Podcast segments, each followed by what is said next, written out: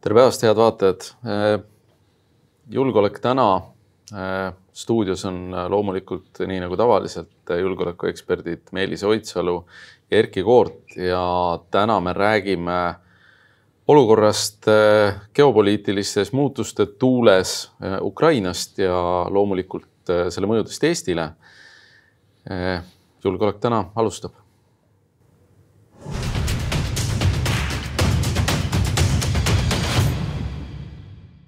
nii sõda, mida keegi ei uskunud, on tänaseks Ukrainas kestnud kolm nädalat ja tegelikult on äh, päris palju erinevaid mõjureid sellel nii, nii Eestile kui, äh, kui maailma julgeolekupoliitilisele eh, arhitektuurile tervikuna. et eh, Eesti on siin tegelikult võtnud ühe minu arust väga olulise rolli, et tegelikult Eesti parlament, eks, võttis vastu siis toetusavalduse Ukrainale kus ta tegi ettepaneku sulgeda ka taevas või, või vähemalt äh, oluliselt kaaluda seda, noh, on selge, et Eesti seda jõustada ei saa.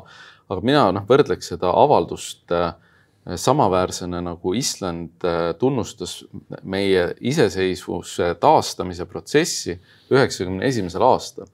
Island ei oleks saanud mitte kuidagi seda jõustada, tegemist oli siiski NATO liikmesriigiga ja see oli see kivi, mis tegelikult äh, murendas äh, müüri meie iseseisvuse taastamise teelt.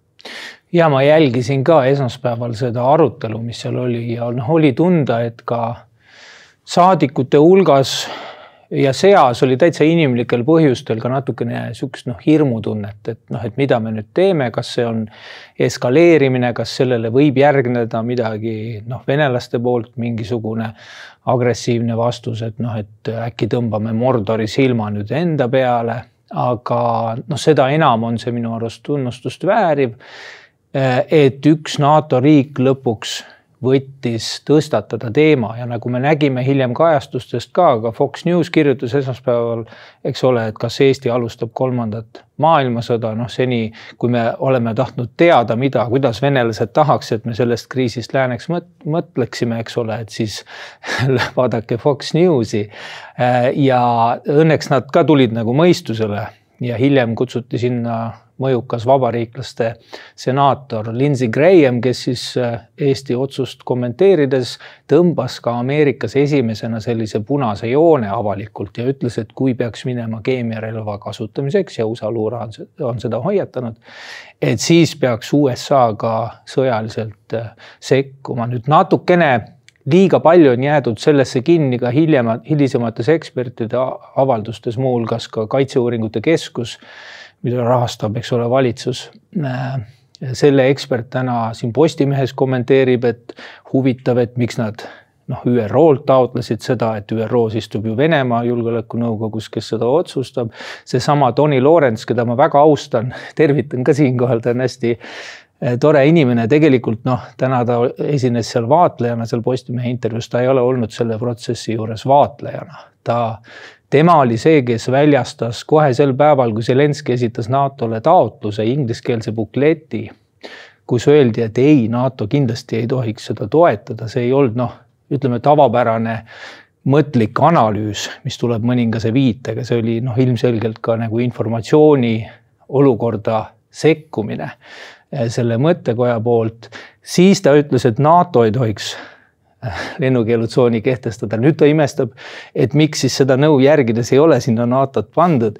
natuke siin käib selline noh, hästi leebe, ma ei süüdista kedagi mitte milleski, aga ka valitsuse poolt, kelle jaoks ütleme, kelle liiniga ei olnud see Riigikogu otsus ju kooskõlas.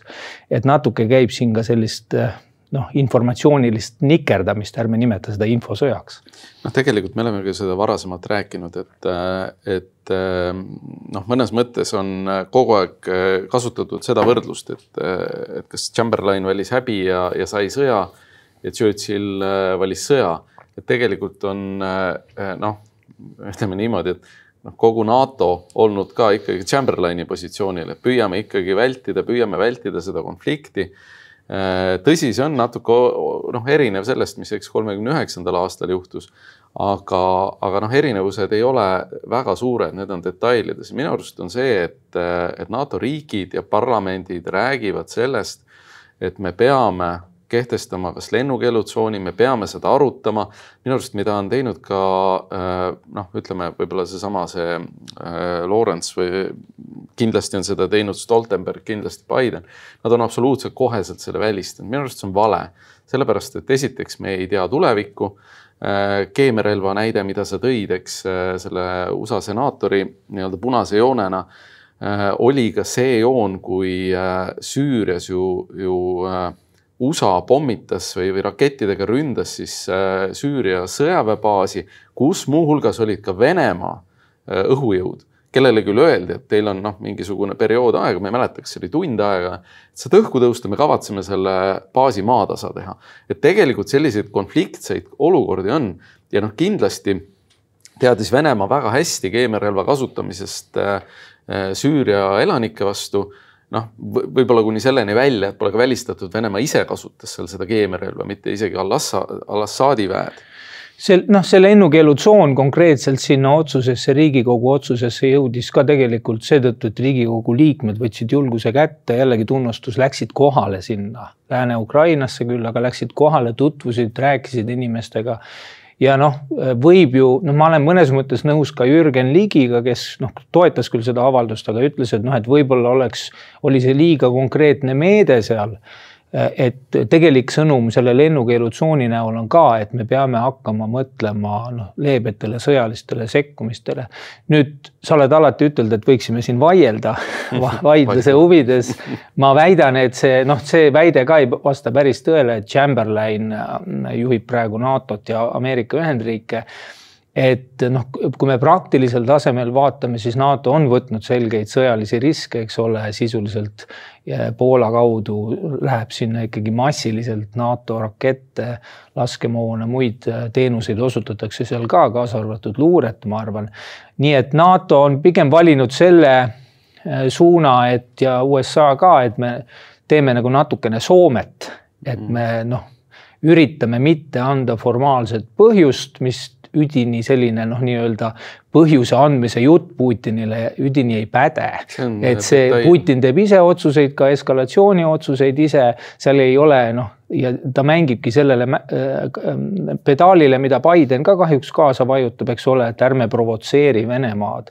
no see olukord ei, ei ole enam nagu provotseerimiseelne, ütleme no, niimoodi. tegelikult on see, et, et mõlemad olles äh, kokku puutunud äh, aastate jooksul sellega, et kuidas Venemaa mõtleb või tegutseb, siis tegelikult Venemaa ei vaja mitte kunagi päris ettekäänet, kui tal seda ettekäänet ei ole, ta mõtleb selle välja. et selles suhtes ma arvan, et ma arvan ikkagi, et Lääs on käitunud Chamberlainilik, Chamberlainlikult ja. see ja, dominant kindlasti ja, on see. jah, et selles suhtes, et kindlasti, kindlasti ei, ei toetatud Poola sõjaväge sellisel kujul, nagu täna toetatakse Ukraina armeed aga noh, fakt on see, et, et sellise absoluutse välistamisena noh, me, me ei tea, on ju, mis olukord on kolme nädala pärast. võib-olla Venemaa on kokku kukkunud, võib-olla ei ole, võib-olla me oleme noh, globaalses äh, sõjas selleks hetkeks. ma usun, et Riigikogu avaldus on üks mõjuritest, mis võimaldas ka nüüd eile Kiievisse muide lennanud Slovakkia, Tšehhi ja Poola valitsusliikmetel, juhtidel öelda, rääkida juba NATO rahuvalveoperatsioonist või noh, niisugusest humanitaarmissioonist. et selles mõttes see käik oli äh, mõistlik ja ma ei panustaks siin isegi noh, natuke on siin seda dünaamikat selle kriisipsühholoogias meie poolt vaadates. et noh, et mingeid inimesi, kes siukseid avaldusi teevad, kaasa arvatud neid riigikogulasi, kes justkui valitsuse liini ei järgi, süüdistatakse julguses et noh, et, et nad on nagu hulljulged või nad ei, et minu arust on see lihtsalt täiesti ratsionaalselt põhjendatav ka kogu see nii-öelda NATO rohkem mängu toomine või avaliku sõjalise surve rohkem mängu toomine, seal on oma täiesti ratsionaalsed põhjendused ja kuidagi meie välisministeerium ka ja noh, meie tegelik välisminister Jonat Avsejev on, äh, kes on väga hea spetsialist ja ta on väga vapper ja tubli inimene, noh südamest nagu soovin talle edu, aga mingid valed eeldused on natuke tehtud siin. on eeldatud, et, et kui me lihtsalt kordame seda Bideni ja Blinkeni liimi või liini et siis kuidagi, et see noh, võetakse vastu iseenesestmõistetavalt. Biden teadupärast pidas NATO selja taga siin eelmine aasta otsa rahuläbirääkimisi Putiniga, mis kukkusid läbi suurejooneliselt kahekümne neljandal veebruaril. pärast seda andis USA noh, sisuliselt mitte heidutava, vaid soodustava signaali Venemaale, jah. ja, ja noh, et eeldada, et sellise partneriga või sellise juhtpartneriga täpselt sama jutu ajamine kuidagi noh, et selle kohta ei esitata küsimusi, et see noh, see oli natukene vale arvestus ka meie välisministeeriumi poolt. me oleme seda jah rääkinud, et meil ei ole mitte mingit kahtlust selles, et kas äh, Eesti välispoliitikat teevad vaieldamatud eksperdid, vaid, vaid pigem on küsimus selles, et kas kas me mõnikord äh, kasutame liiga traditsioonilisi lahendusi või püüame püsida nagu samas rütmis, milles noh, ma ei tea, Ameerika Ühendriigid või käituda suurriigina, kellel on, kes asub kusagil, noh, vaata, kes diplomaat ongi, ta on kuskil, ma ei tea, Berliinis või, või Pariisis või Londonis, nimetamata üldse konkreetset äh,. aga, aga ühesõnaga ta, ta on, ta on natuke eemal Eestist ja, ja tundub, et see mäng käib nagu teistmoodi et tegelikult meil on ikkagi ühine piir sellesama agressoriga, kes Mariupoli haiglat on ju sünnitusmaja pommitas. nii et äh, nagu uinuda ennast, äh, noh, seda meil, meil ei ole võimalust, äh, meil ei ole võimalust olla vähehäälekas NATO-s. me peame olema väga häälekas, me oleme seda olnud varasemalt tänaseks on, on ju mitmed, mitmed riigid ka tunnistanud, et tõsi, et Baltikumi noh, ei olnudki post-sovjet stress või, või mis Tarja Halonen on ju kasvõi näiteks ütles ja ka NATO-st on tulnud selliseid signaale. aga, aga hüpates korraks tagasi selle parlamendi avalduse juurde, siis minu arvates äh, see, et parlament ei järgi valitsuse ametlikku liini, on väga hea parlament ongi valitsuse ülemus, mitte valitsus ei ole parlamendi ülemus. Ja siin on nüüd natukene noh, see keerulisem see asi, et meil on ikkagi. see on väga lihtne. meil on võimude. parlament määrab ametisse valitsuse. jälle ainest vaidluseks. meil on, meil on ikkagi võimude lahusus, täitevvõimule antakse teatud suunaseadmise õigus ka kriisi ajal. tõsi, parlament otsustab sõjaseisukorra kuulutamise, mobilisatsiooni ja eelarve üle. -hmm Äh, ka sõja ajal ja, ja ka kriisi tingimustes. Aga äh, noh, tervikuna jah, et siin ilmselgelt on see otsus osutus sellele, et ka see Eesti valitud liin ei ole üdini arusaadav rahvaesindajatele ja noh, ilmselgelt siis mitte ka valijaskonnale mm. -hmm.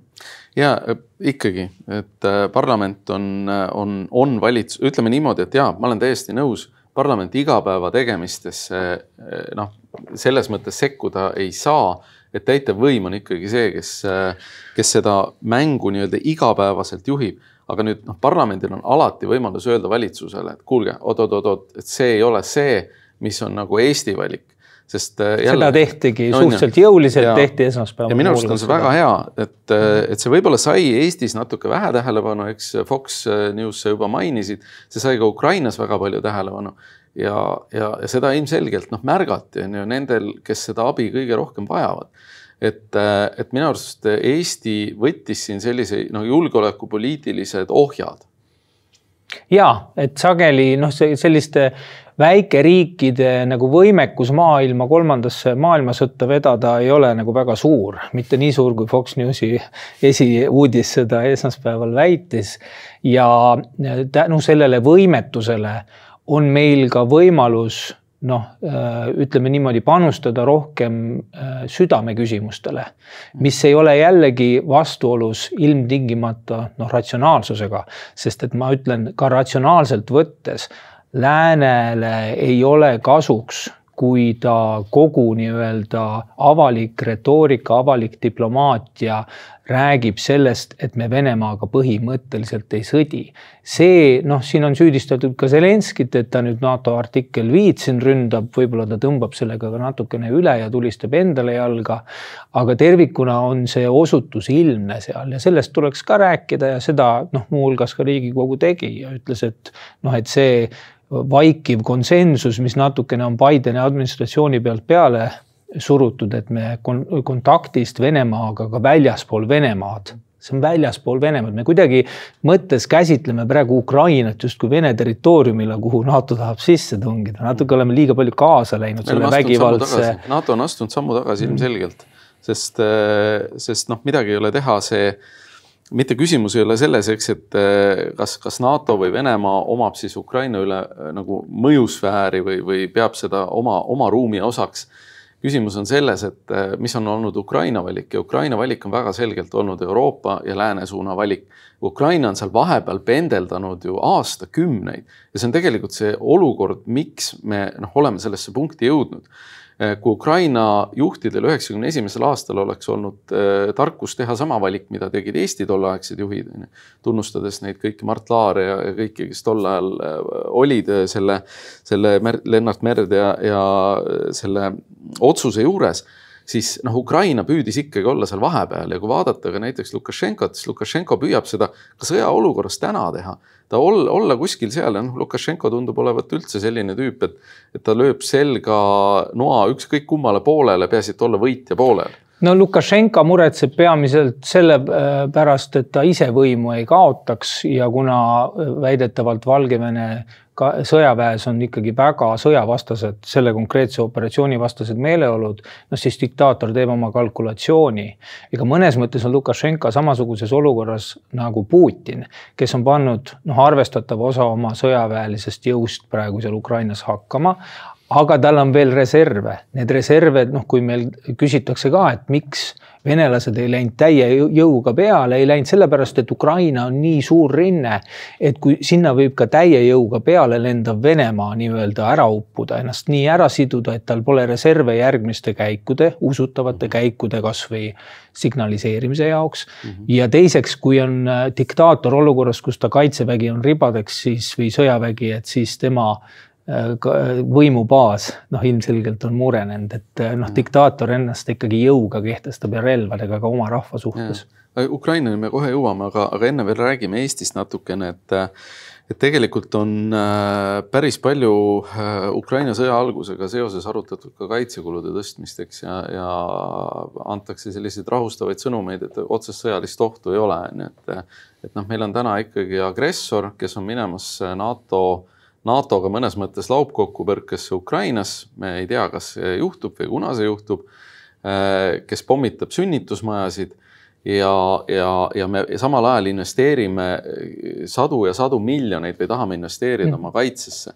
et noh, ilmselgelt oht Eestile on olemas, tõsi, rünnakut Eestile noh, hetkel ei paista, aga, aga noh, võttes arvesse ka selle, et et haavatud hiiglane on nagu kõige ohtlikum, ta ei vaata enam, kuhu ta lajatab, siis, siis tegelikult noh, mingit põhjust rahuloleks või rahuloleks või selliseks uinuvaks teeme kunagi edaspidi. ei, me peame ikkagi kohe ära tegema need võimed, mis meil on Eesti kaitsmiseks väga selgelt vaja, sest, sest tegelikult vaatamata sellele, et teisel pool Peipsit pole olnud nii vähe vägesid alates Aleksander Nevski aegadest võib see kiiresti muutuda ja äh, seda, seda rauda ja seda potentsiaali lihtsalt kurju, kurja tegemiseks on tegelikult äh, noh, Venemaal veel alles, küll ja veel. võitlusvõimelisi vägesid jääb väheks, tõsi. ma arvan, selle aruteluga sa noh, puudutad ühte hästi olulist probleemi, mis on meil võib-olla ka noh, praegu täitevvõimu probleem. see on see, et me äh, oleme seni vaadanud seda operatiivset ohupilti ja strateegilist ohupilti kuidagi nagu noh, lasknud seda üle. ma toon ühe. ignoreerida seda. ma, ma, ma jah, et me oleme strateegiliselt oleme nihkunud täna rahuajast noh, poolsõjalise nii-öelda poolsõja olukorda, ütleme niimoodi no,. ilmselgelt me ei teeks see, neid investeeringuid, kui ei oleks reaalset. ja see rahuaeg ei naase niipea nüüd, kui oli, me tuleme ilmselt ka selle Eestit tabanud põgenike tulva juurde, nende väljakutsete juurde ka, need on hästi komplekssed et kui me räägime sellest põgenikekriisist valmistumiseks, siis äh, mäletatavasti meil oli ju Lukašenka tegi nii-öelda treeningut meile või andis väljaõppevõimaluse. siis sai siseminister ülesande töötada välja see massilise nii-öelda rände holp tegelikult või see hädaolukorra lahendamise plaan, väideti, et töötatakse rakenduskava välja, tegelikult hakati alles seda plaani tegema. siis äh, luureasutused ütlesid, et noh, mingit ohtu tegelikult Eestil ei ole, vaadati ainult seda operatiivpilti. ja tegelikult see plaan jäi ka pooleli noh, nagu tänane näitab, eks ole, riigil ei ole endiselt, noh, me teeme töö käigus nüüd seda plaani, kuidas massilise rändega ikkagi hakkama saada ja noh, seda viga ma usun, et sõjalises kaitses ei korrata, praegu on juba räägitud siin, eks ole, miljardi suunamisest riigikaitselaenu näol. riigikaitselaen ei ole mingi uus idee, see ei ole mingi finantspoliitiline tabu, mida Reformierakond peab sisemiselt ka murdma. me oleme ostnud õhuseireradareid riigikaitselaenu, riigi võlakirjade eest. see nõuab Riigikogu otsust, eks ole, lisaeelarveks ja siis valitsus emiteerib võlakirju no,. kogu mere, mere seiresüsteem ju tegelikult ehitati valmis äh, samasuguse, noh, sama põhimõttega. see oli ühes paketis koos ja. ühe õhuseireradariga, jah. ja seal on noh, räägitud summast miljard tundub nagu hästi suur summa praegu, tegelikult noh, sõjalised vajadused näeksid ette kahte poolt kolme miljardit, selle miljardi sees nimelt on noh, need arendused, mis me oleme oma seniste ressursieelduste pinnalt nagu mõtelnud, et võiks teha. aga me peame vaadates ka seda nagu sõjapilti, et mis see konventsionaalne sõda endaga tegelikult, kui ulatuslikku ülesannet see tähestab, tähendab, siis sellest miljardist on praegu väljas näiteks pealinna kaitse noh, mis praegu on selle Ukraina nagu sõja keskmes, sealt on väljas saarte kaitse -hmm. kuhu noh, tõenäoliselt vastane tuleb ja üritab hõivata ja panna oma õhukaitsemulli püsti, mis on hästi oluline seda nagu adresseerida ja seal on veel asju puudu, noh, millest me peaks hakkama ka rääkima, see on jällegi tasakaalu küsimus, sest sa ei suuda kõiki asju sõjaliselt absorbeerida, kõiki arendusi.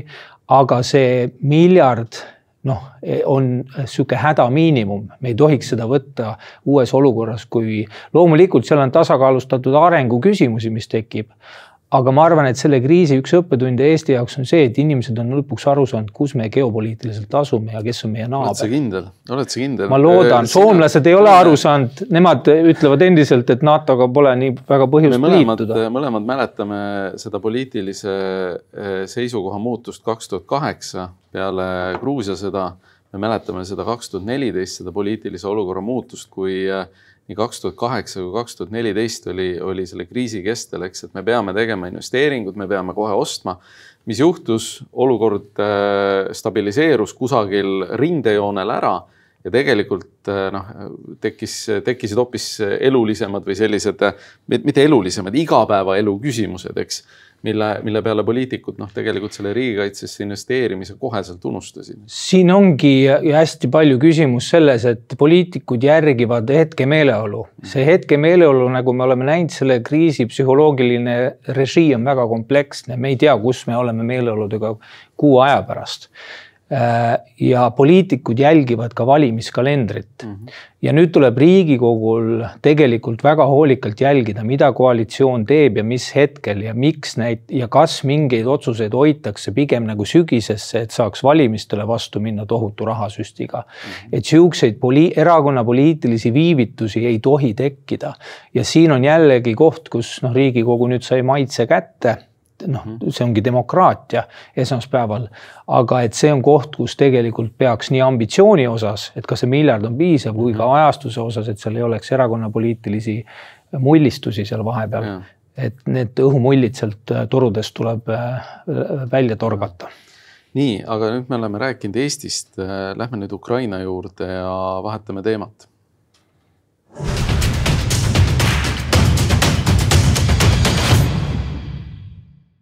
nii, kolmandat nädalat kestab siis sõda Ukrainas, äh, mida ilmselgelt äh, Venemaa sellisel kujul ei oodanud.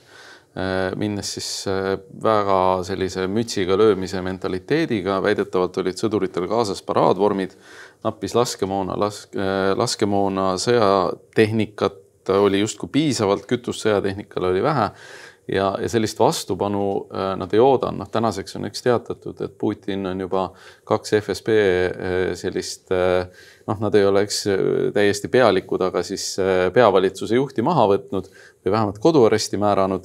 noh, ilmselt seal ümberkorraldusi tuleb veel, sest noh, Putinile või diktaatorile üldse on eks lojaalsus tähtsam kui tarkus. aga noh, tegemist nagu nende inimeste näol on, on olnud nagu väga selgelt lojaalsete inimestega aga kes on, tundub, et selle raha, mis Ukraina destabiliseerimiseks läks, lihtsalt ära varastanud. ja, ja seda, seda vargus on noh, ütleme niimoodi, et see kõige kõvem relv, mis Ukrainat täna on aidanud, on, on korruptsioon Venemaal. et see, see on nagu selline müstiline, nende enda vastu töötav äh, relv ja et tundubki, et Vene, Venemaal olid poliitilised eeldused kõige rohkem valesti, sellepärast mindi ka noh, niisugusele rännakule sinna Kiievi suunas, mitte nagu sõjalisele operatsioonile. eeldati, et kõik on needsamad FSB inimesed on kõik need miljardid, mida ilmselt suunati Ukrainasse, sinna kohale toimetanud ja ilmselt nad raporteerisid ka, et kõik on kenasti nii-öelda pinnas on pehmendatud. ja siis selgus, et kurat, pinnas on täiesti jääs ja noh, üsna loomulik, et siis ka pead äh, lendavad pärast seda tervikuna Putin on tänaseks ammendanud oma plaani A, mis oli siis see ebarealistlik äh, kahe ööpäevaga, eks ole, režiimivahetus. ta on ammendanud äh, mõnes mõttes ka plaani C või tähendab B, vabandust, mis on siis see, et okei okay,, et siis äh, võtame näiteks Mariupoli, teeme mingeid nii-öelda näidispoomisi, näidiskoonduslaagreid linnadest, signaliseerime siis läänele sellega, et kuhu see asi võib viia, vilgutame keemiarelvaga, võib-olla kasutame seda natukene. ja siis öö, ootame, kuhu läbirääkimised viivad. nüüd on vale arvata, et need läbirääkimised käivad Putini ja Zelenski vahel. Need käivad äh, Lääne ja Zelenski vahel ja adresseeritakse nende koledustega ka nii noh, küüniline, kui seda öelda ka ei ole sellise genotsiidse sõja puhul lääne avalikkust, kes saab aru, et see asi läheb nii koledaks, et nad mingi hetk peavad valitsusjuhid otsustama, kas nad kaasuvad sõjalises, sõjaliselt, mida nad ei taha teha. või siis nad survestavad Kiievit mingit äh, noh, nii-öelda omalt poolt mingit pehmust näitama Vene taotluste ja mora- ja selliste moraalsete argumentide suhtes. et, äh, et jah, et praegu käib selline ühest küljest selline väga verine nii-öelda äh, lääne valitsuste pehmendamine selle Mariupoli piiramise ja muud, muudsete tsiviilisikute ja objektide ründamisega. ja teisest küljest ikkagi noh, me näeme seda, et tegelikult tuuakse tugevdusi eh, ka nende nii-öelda assüürlaste ja babüloonlaste näol, kes sinna lähevad nüüd. Need ei ole väga võitlusvõimelised. Need ei ole väga võitlusvõimelised, aga noh, et äh, Putin ka ei ole täie jõuga sinna operatsiooni endiselt läinud, ta ilmselt ei kavatsegi seda teha täie jõuga, sest tal on vaja mingeid järgmiseid käike. ja noh, me peaks nagu mõtlema ka, et mismoodi need järgmised käigud võiksid välja näha, see eskalatsiooniredel. miks sa arvad, et nad ei ole täie jõuga läinud? Sest et noh, ka vaatlejad ütlevad, et see noh, õhujõudude ja ka nii-öelda raketiarsenali osas äh, ei ole mindud ja see on ka loogiline, sa ei lähe kunagi, noh, diktaator ei kuluta kunagi oma pidet tühjaks, sest siis ja. ta on selili. ütleme niimoodi, diktaator küll, aga, aga mulle ikkagi tundub, et Putin on täna selles olukorras, et ta on võimeline saatma ka viimase tanki Ukrainasse, tema viha on nii pime, et ta on valmis mida iganes tegema, tõsi, laevastik on täna alakasutatud ilmselgelt mm. -hmm. õhuväe puhul ongi küsimus selles, et kas see on alakasutatud või seda on noh, väga oluliselt ülehinnatud. noh, muidugi on relvasüsteeme, mida täna veel ei ole, noh, ütleme need ikkagi suur, noh, suured pommitajate hulgad on ju, mida neil on võimalik. tulejõudu, ütleme, on kuskil alles, noh, siin erinevad hinnangud on, aga kogu Venemaal on tulejõudu ikkagi, kui me tuumajõud jätame välja, noh, alles kuskil kuuskümmend, seitsekümmend protsenti. et äh, ka see vägi, mis on praegu seal Ukrainas, ega ta ei ole ju sajaprotsendiliselt nii-öelda kasutuks muudetud. siin on erinevad hinnangud, kümme protsenti osadelt, et noh, et on kaotanud võitluse, tundub ebarealistlik. nelikümmend protsenti teisest küljest tundub natuke liiga ülepingutatud, noh, paneme sinna kuhugi vahepeale, kuskil seitsekümmend protsenti ka sellest väest, millega nad on läinud, on tegelikult veel sõjas. et et, äh, et noh, selles mõttes seal nagu Arvad, reservi ja ka, ja ka, et, et võib-olla see on optimistlik, aga kui me isegi kümme protsenti võtame sealt ära, siis noh, nagu ka kolonel Karus eile ütles, et venelastel tegelikult on ressurssi ja on arusaadav, et nad peavad hoidma ka läänel survet sellega, et neil äh, Venemaal on veel käike, see on nagu hästi oluline, sest praeguses faasis nagu öeldud, see peamine adressaat on lääs mm, -hmm. mitte nii-öelda Kiiev ja, ja ei või selgelt võitlus käib mitte, mitte niivõrd Kiievi ja Moskva vahel, kuivõrd äh, NATO ja, ja, ja selline äh, Venemaa siis äh, mõjusfääride või, või selline varisõdade. ja tulevase maailmakorralduse üle, eks ole, ka Hiina on tulnud mängu ja ütelnud ka, et kuulge nüüd on ju maailmakorraldus muutunud, lepime selle reeglid kokku, noh üritatakse seda ikkagi noh, tugevalt raputada. tulles tagasi veel Vene sõjamasina juurde Ukrainas, siis noh, ütleme, et need andmed, mida on, on võtta, on ju noh, ukrainlased on teatanud peaaegu neljateist tuhande venelase hukkumisest. kui võtta sinna mingisuguse koefitsiendiga, et, et noh, see on umbes, umbes kümme protsenti invasiooniväest algsest, umbes natuke vähem, eks ütleme kaheksa protsenti Äh, kui võtta sinna juurde, et, äh, et haavatuid tavaliselt on äh, kaks või kolm korda rohkem kui hukkunuid, siis juba liigub sinna neljakümne protsendi kaotuste lähedale.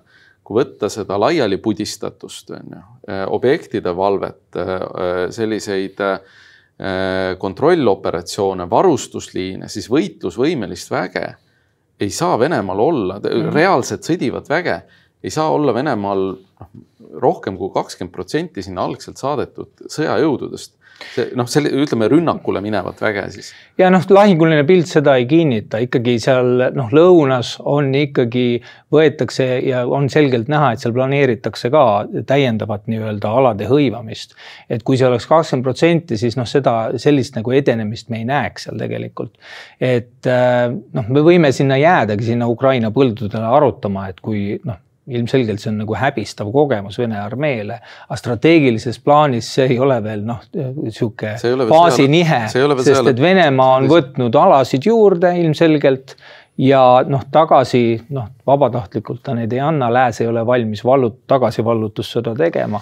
et see on nüüd Ukraina enda nii-öelda kestlikkus ja siis ka mingite ründerelvade, siin on räägitud S kolmesaja, et õhu, õhukaitset tugevdada ja ka miigide ikkagi annetamisest ja droonid lähevad ka, eks ole, droonivastased süsteemid võib-olla USA-s teele. et, äh, et need noh, sõjal on veel faase ja kahjuks on neid faase võimalikke nii-öelda eskaleerimisvõimalusi ka Baltikumi suunal.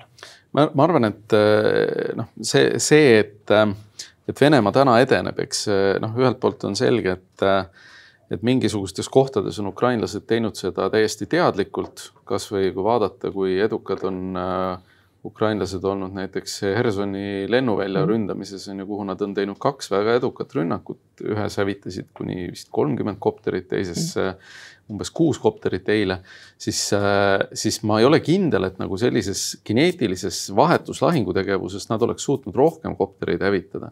Nad on ja, ei väga oleks, selgelt ei, näinud. ei oleks äh, kindlasti, neil on, neil ongi väikeste, pigem väikeste äh, suurte lahingute vältimine mm -hmm. ja pigem nii-öelda vaenlase hävitamine mittelahingulises olukorras, seda me oleme näinud noh, Kiievi suunal kogu aeg, see on nende teadlik taktika kas me saame öelda, et nad tänaseks on sõja võitnud, ei ole? ei, nad ja. ei ole tänaseks sõda võitnud ja. ja see selge, mida Venemaa püüab teha kasvõi nende samade läbirääkimistega, eks äh, ühelt poolt eksitada läänt, näidata välja oma heasoovlikkust, mida lääs kahjuks osaliselt ka neelab alla või usub äh, väga rumalalt, eks küsimus ei olegi täna selles, on ju, et kui suur on desinformatsiooni, Vene desinformatsiooni levik meediakanalites mm. -hmm. küsimus on see, kui palju on lääne liidrid lasknud Putinil, Lavrovil ja teistel äh, vabandust, mölakatel endale aastakümnete jooksul valetada, lihtsalt naturaalselt valetada?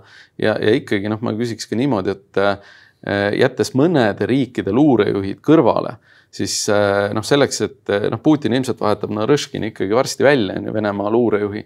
on küsimus ka, et, et kas mõne Euroopa või NATO luurejuht tuleks ka välja vahetada, noh ilmselt mitte Ameerika, ilmselt ka mitte mõne riigi veel, aga, aga kindlasti on neid äh, noh, ütleme, et eh, ega siis ka poliitikud on teinud oma otsuseid ju selle sama udu pinnalt, mida neile on aetud. oo oh jaa, me siin, me siin ka kõik. Välisluureameti ja ärme, ärme välisluure. ja ei, ma ei lähe praegu kuidagi Mikk Marranilt tooli alt ära tõmbama, aga noh, ütleme ka meil on seda noh, ütleme natuke liiga palju sellist kaevikus istumist ja, ja noh, strateegilist pilti oleks praegu vaja hakata vaatama, oleks vaja hakata vaatama võimalikke noh, Putini sõja nii-öelda eskaleerimise võimalusi ja faase.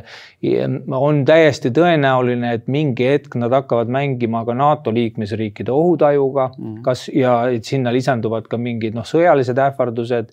sealt edasi tekib kohe küsimus noh kui NATO ja Vene eh, vahel asi nagu väga pingestub tuumaohust. see tuumaohu asi on ka meil nii-öelda ka sõbralike suude kaudu natukene vastutustundetult üle eskaleeritud.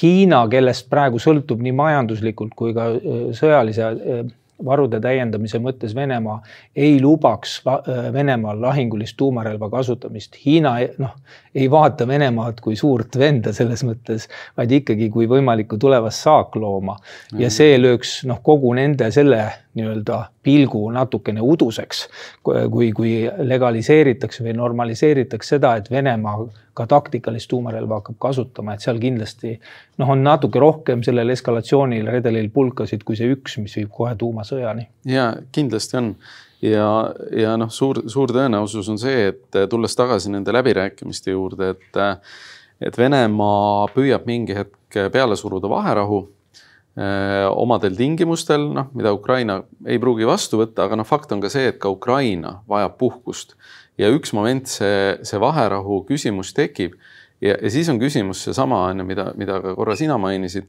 kas see äh, uus piir stabiliseerub sellel joonel, kus täna Vene väed sees on, sest on selge, et, et see, mida me oleme näinud, on ju Transnistrias, Gruusias äh,, mõnes mõttes ka Aserbaidžaanis Armeenias on ju Mägi-Karabahhias, siis tegelikult äh, noh, Venemaa püüab seda, äh, seda, seda territooriumi mingil määral jääda kontrollima.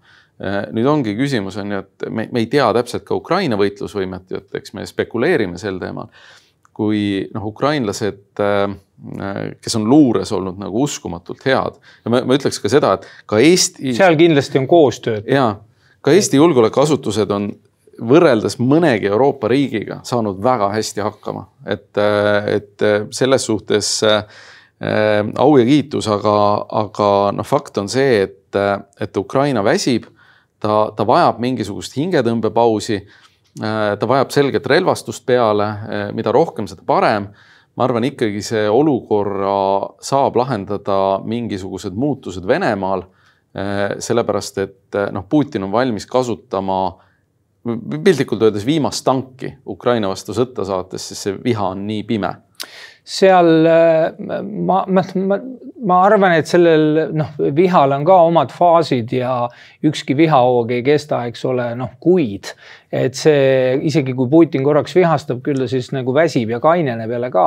mis nagu sõjaliselt on ilmselgelt vaja saavutada Venemaal on see Aasovi mereäärne see maakitsus, eks ole, Krimmi ja nüüd selle emakese Venemaa vahel et see tuleb laiemaks ajada, sest noh, nii kitsalt ja nii pikalt nad ei suuda jätkusuutlikult seda kaitsta.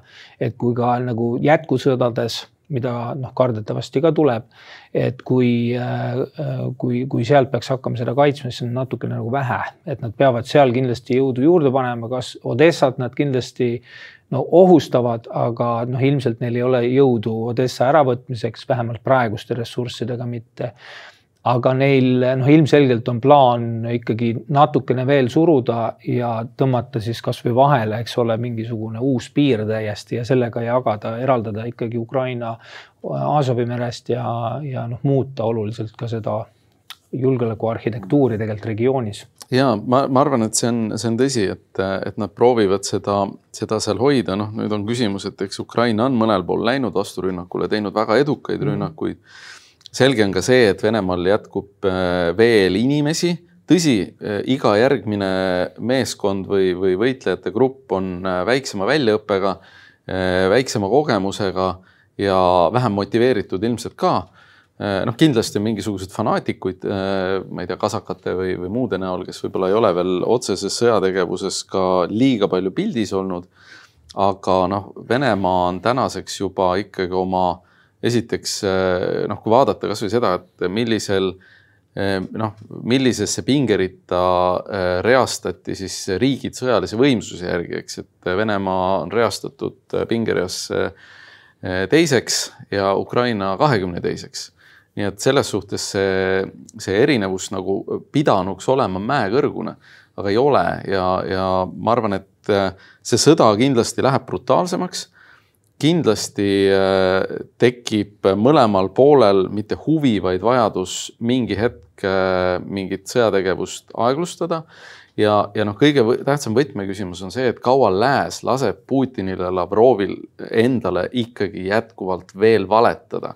et mina näiteks ei oleks ette kujutanud, et äh, Charles de Gaulle Prantsusmaa vastupanuvõitluse sümbol, eks oleks helistanud Londonist Äh, Berliini Adolf Hitlerile ja ütleks, et kuule, et äkki sa nagu nüüd äh, lõpetad. no Macron ju kaotas näo ka muuhulgas sellega, et ta tegi ju fotosessiooni, kus ta lavastas ennast äh, nii-öelda ümber piiratud linnas olevaks Zelinskiks, kasvatas isegi paaripäevase habeme ja tegi nagu valimispropagandat, noh, et see näitab, noh, esiteks on okei okay,, läänes on ka need liidrid, ei ole ju noh, nad on ju poliitikud poliitikutel on oma kutsehaigused, eriti valimisperioodil avalduvad need ja ka sõja ajal, isegi teise maailmasõja ajal paljud otsuseid, ka Churchill, kes on siin suur riigimees, eks ole, ka tema ajatas oma otsuseid valimistsüklist ja sisepoliitilisest olukorrast äh, lähtudes, samal ajal kui noh, kärbestena inimesi suri mm. -hmm. et, et noh, et see ongi kahjuks mõnevõrra paratamatus, aga see võti on ikkagi praegu lääne liidrite käes, et nad ei, selle Putini seatud nii-öelda läbirääkimiste lõksu ei astuks.